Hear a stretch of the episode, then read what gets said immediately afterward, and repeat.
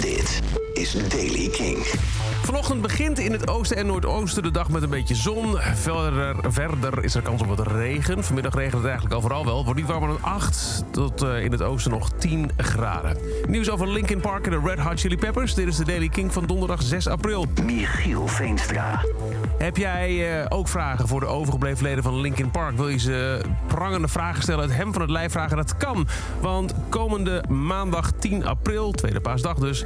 houdt de band een online Q&A-session... om de 20ste verjaardag van Meteora nog maar eens een keer extra te vieren. De livestream is te volgen op uh, onder meer het YouTube-kanaal van de band... de Facebookpagina van Linkin Park en het Twitch-kanaal van Mike Shinoda... en begint op uh, aanstaande maandag 10 april 8 uur s'avonds Nederlandse tijd. Vragen dus aan Linkin Park. Je kunt ze stellen in de Q&A-sessie via die kanalen... en ook de antwoorden zien op die kanalen. Ex-Red Hot Chili Peppers gitarist Josh Klinghoffer heeft in een interview gezegd dat hij vindt dat de band coolere muziek maakte toen hij er nog bij zat. Hij speelde mee op de albums I'm With You uit 2011 en The Getaway uit 2016, omdat John Frusciante er even niet bij was. Ja, die is weer terug, dus Josh Klinghoffer ligt er weer uit. In een Braziliaanse podcast vertelt hij dat hij hun recente werk niet helemaal heeft kunnen afluisteren. Zo niet interessant vond hij het.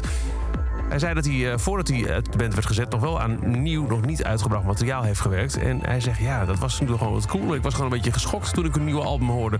Ik denk niet dat ik het tweede album uit 2022 helemaal heb geluisterd. Daarmee doelt hij op Return of the Dream Canteen. Ik heb het opgezet voordat ik een vliegtuig opstapte. Ik ben misschien tot het negende nummer gekomen, maar daarna, ja, gewoon niet verder geluisterd. Ik vond het gewoon vroeger wat cooler allemaal. Al dus Josh Klinghoffer over de Red Hot Chili Peppers. En dat is over deze editie van The Daily Kink. Elke dag een paar minuten bij met het laatste muzieknieuws en nieuwe releases. Niks missen? Abonneer je dan in de Kink-app op The Daily Kink. Dat doe je onder het kopje podcast. Dan krijg je elke ochtend bij het verschijnen van een nieuwe aflevering een melding op je telefoon. Dat is wel net zo handig. En voor meer nieuwe muziek en muzieknieuws luister je ook vanavond weer vanaf 7 uur naar Kink in Touch.